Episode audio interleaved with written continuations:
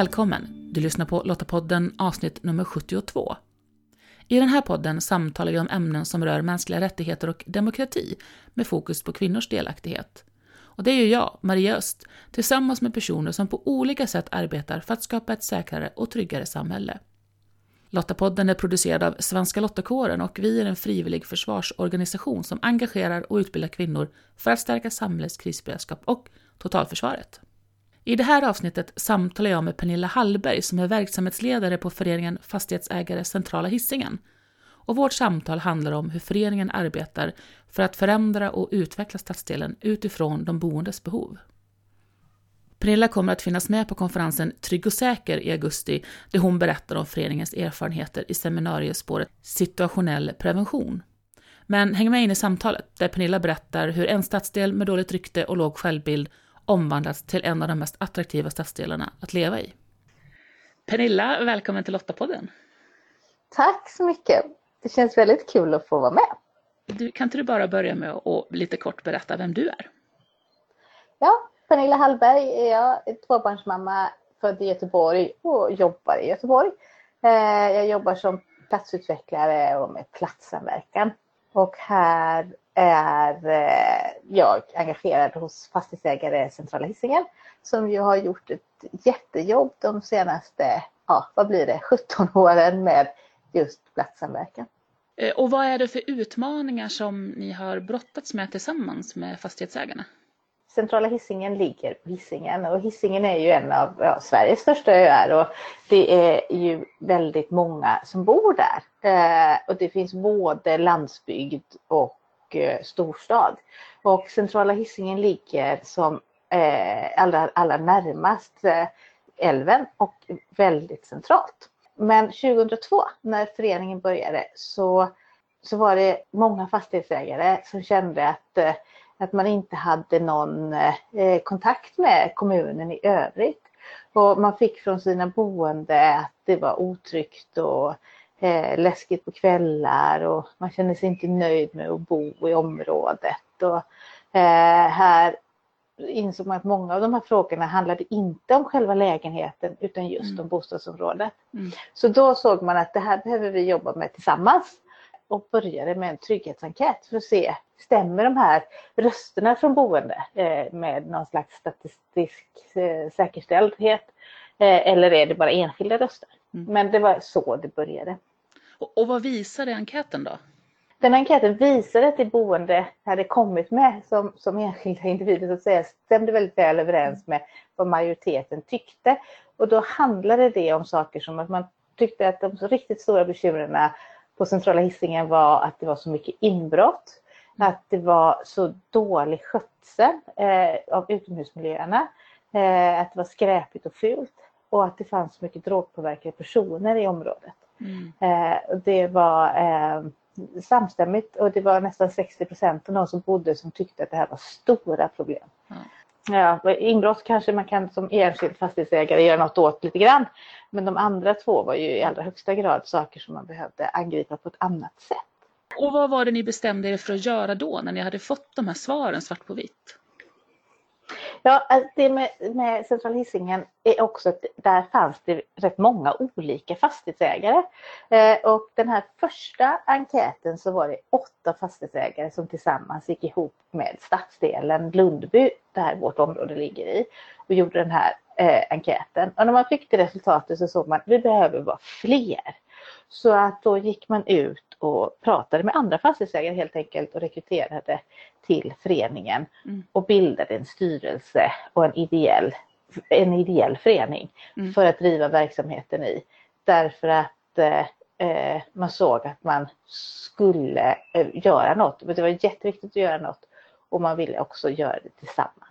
Mm. Eh, och där ja, började det då med att försöka formera eh, hur den här föreningen skulle jobba och så. Och det var ganska knöligt i början.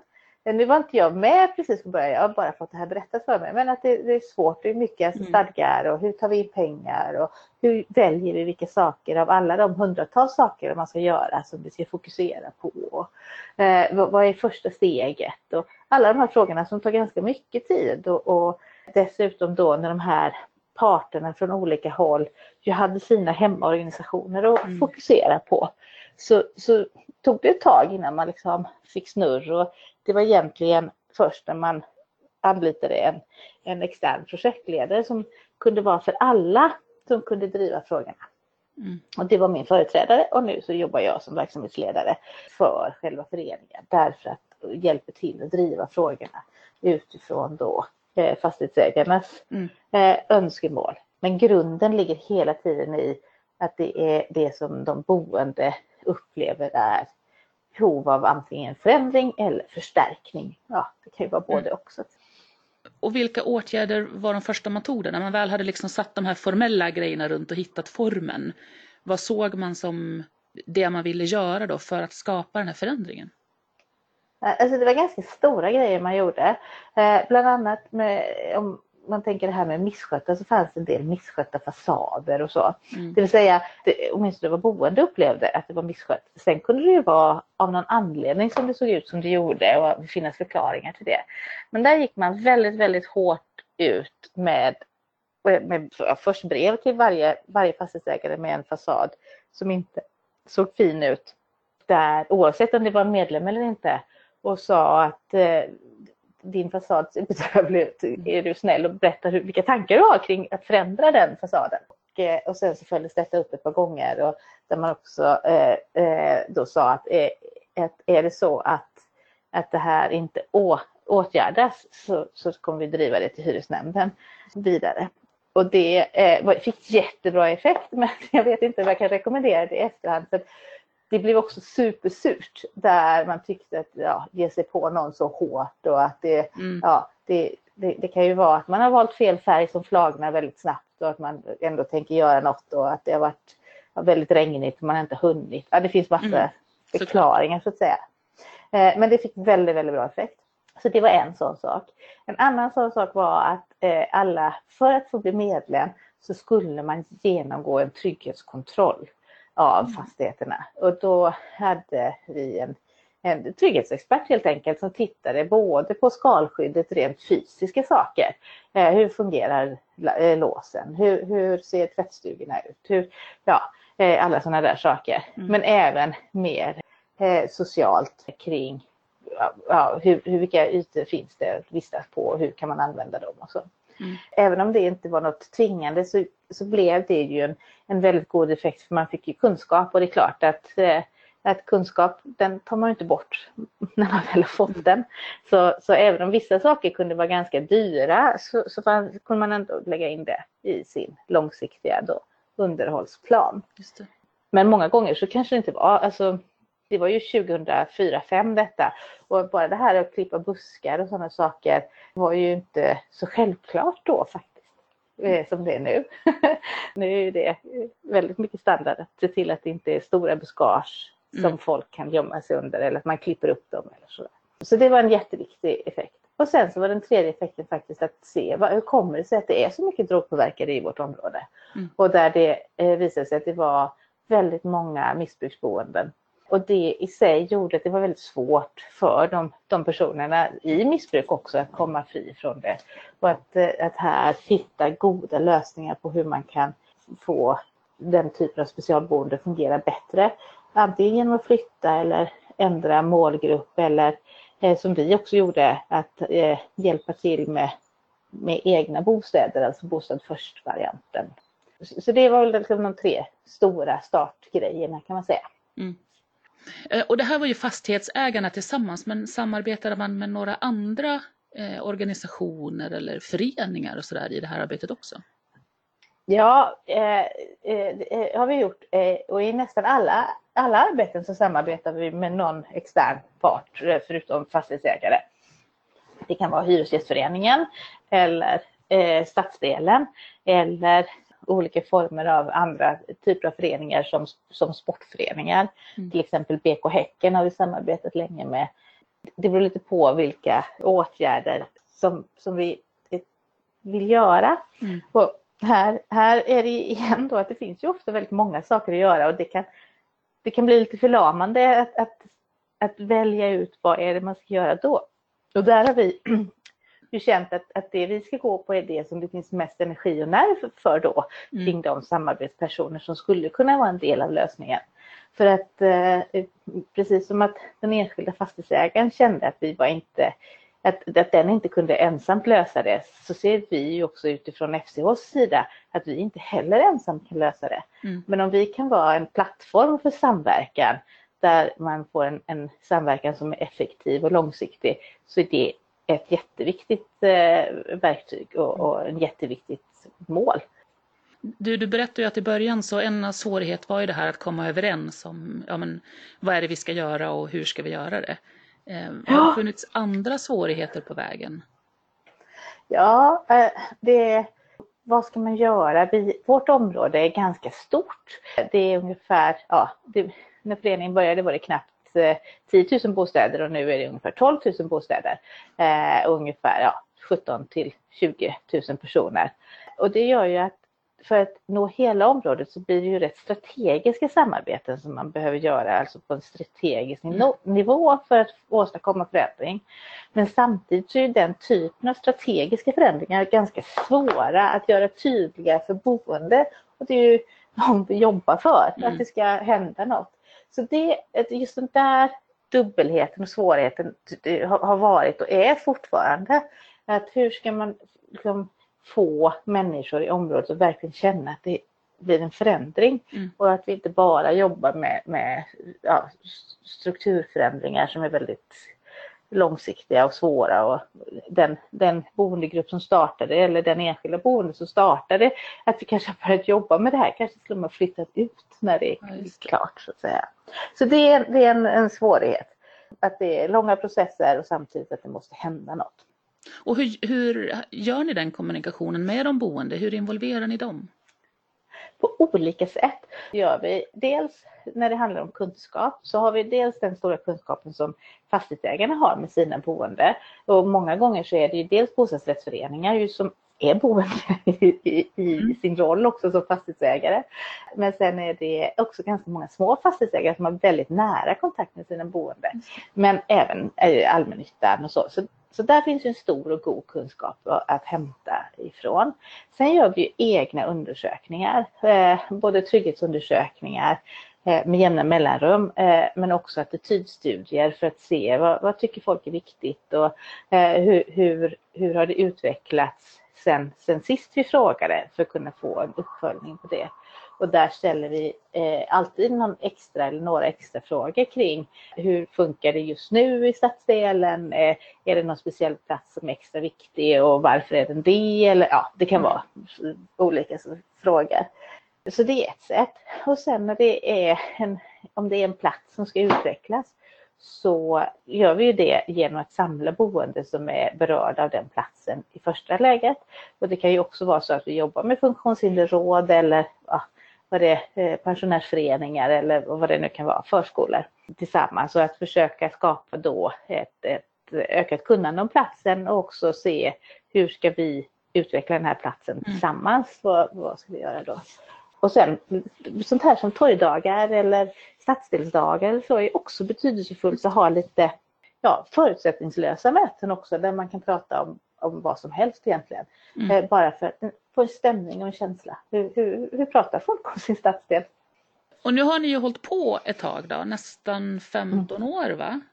Eh, ja, det stämmer. Mm. Har ni sett skillnad då från när ni började?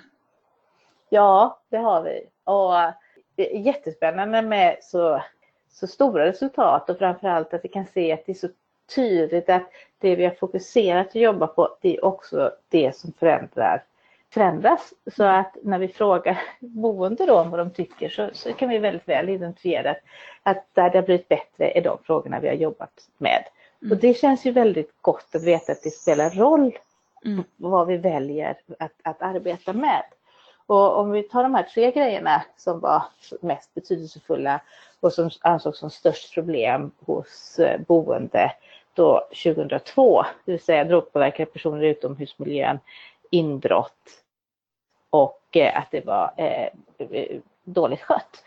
Där har det ju inte, det är inte längre stora problem. Mm. Det, är inte, det är inte så att det inte är några problem, men det är inte någonting som man eh, upplever som stora problem, utan det har minskat i väldigt hög utsträckning. Vilket känns roligt. Och det som nu boende snarare efterfrågar, det är fler mötesplatser och att man ska vilja att det ska hända mer saker. Och man längtar efter ett, ett kvällsliv på ett annat sätt än vad som Mm. var aktuellt egentligen då 2002. Det är ju ett område också som har haft väldigt grov kriminalitet. Ja, vad härligt det måste vara att jobba med någonting där man verkligen kan se att, att det gör skillnad. Ja, det är det. Men det är ju långa processer. Och det är, ja, och det är ju verkligen en utmaning. Eh, och jag tänker eh, att eh, eh, ja, här har jag läst, jag har inte kollat upp att det stämmer, men Palme sa tydligen att, att det största modet i politiken, det är tålamodet. Och Mm. ibland kan jag känna att som, som platssamverkare så är det samma sak, att man behöver ha ett ganska gott tålamod och försöka att nej, nu gick det inte på det här sättet, men då kanske det går med de här samarbetena eller på det här sättet eller vi prövar igen och ja, tar om. Det krävs att man orkar starta på nytt för det, det är, de här problemen finns ju för att det är svårt att åstadkomma eh, förändring på dem. Det är inte lätt. Och framöver här nu då, vad är fokus då? Framförallt att, att behålla den låga brottsligheten som vi har nu. Vår stadsdel har också förändrats i grunden sedan 2002 och det blir mycket fler verksamheter och mycket fler kvällsöppna verksamheter och restauranger. Och med det kommer ju också en viss ökad brottslighet. Mm. Och det gäller ju här att kunna öka möjligheterna för människor att vara ute och göra saker man tycker om. Eh, och samtidigt försöka att inte få den ökning av eh, brottslighet som generellt också kan komma i, i spåret av en, en positiv utveckling. Mm. Så, så det är ju något att bevaka eh, lite extra. Det är ju också viktigt att bevaka att, att det finns trygga och öppna och gratis mötesplatser där människor kan träffas. För att det, det handlar ju om att man som enskild person ska, ska möta andra människor och eh, kanske få de här positiva konflikterna med att någon person som ser helt annorlunda ut än, än vad man själv identifierar sig till som ja, äter samma mat som jag eller, eller köper samma sjal, vad det nu kan vara. Eh, och tvärtom för den delen också, när man tror är helt lik, som gör ett helt annat val. Jag tänker att, att ju fler sådana små eh, men positiva konflikter gör oss tolerantare. Men du Pernilla, jag tänker om någon som lyssnar på det här och tycker att det här verkar ju helt fantastiskt, det här skulle jag vilja starta igång i mitt eget bostadsområde, vad skulle du ge den personen för råd? Om, om det är en fastighetsägare så tänker jag att eh, det är svårt att göra själv. Det beror naturligtvis på hur bostadsområdet ser ut. Är det ett, ett stort bostadsområde så har man ju väldigt många fastigheter och då äger man ju frågan på ett annat sätt själv. Men att göra det tillsammans och att där hela, hela kommunen, beroende på hur man är organiserad, behöver vara med.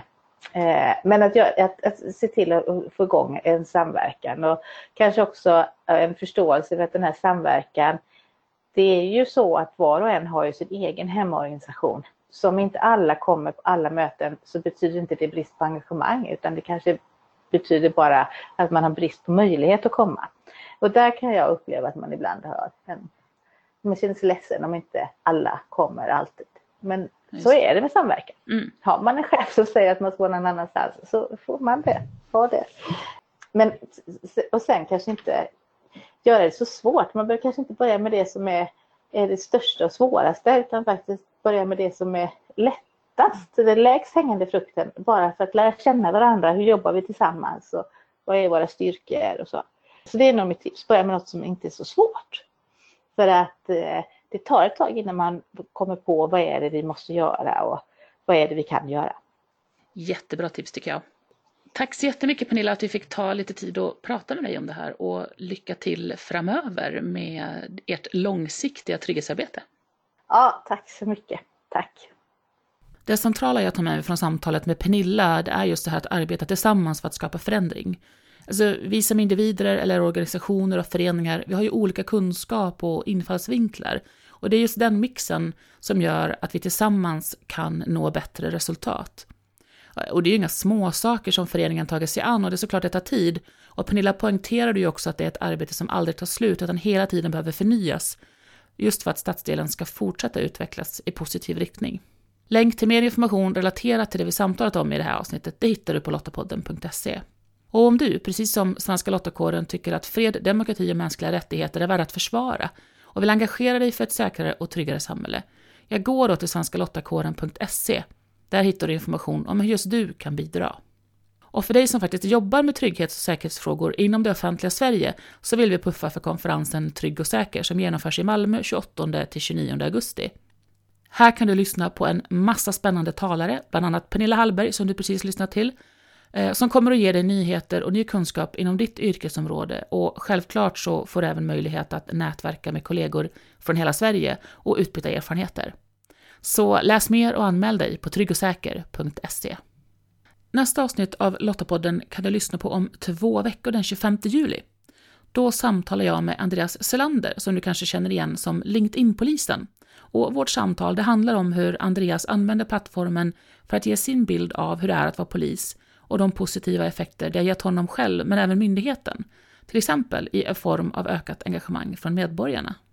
Ja, det började då med att det gick jättedåligt alltså. Det var jättedåligt genomslag. Det kom inte någon att träna på grund av den kommunikationen. Men jag tyckte att det var ganska kul faktiskt att pröva mig fram i den här världen. Och eh, det ena ledde till det andra. Jag började kommunicera om ett yrke och min vardag som, som ledare inom polisen. Och det verkade gå hem hos de som läste. Så på ganska kort tid, då, så på ett halvår ungefär, så blev jag rankad som topp 1 procent i världen på den här plattformen och var connectad med 119 länder.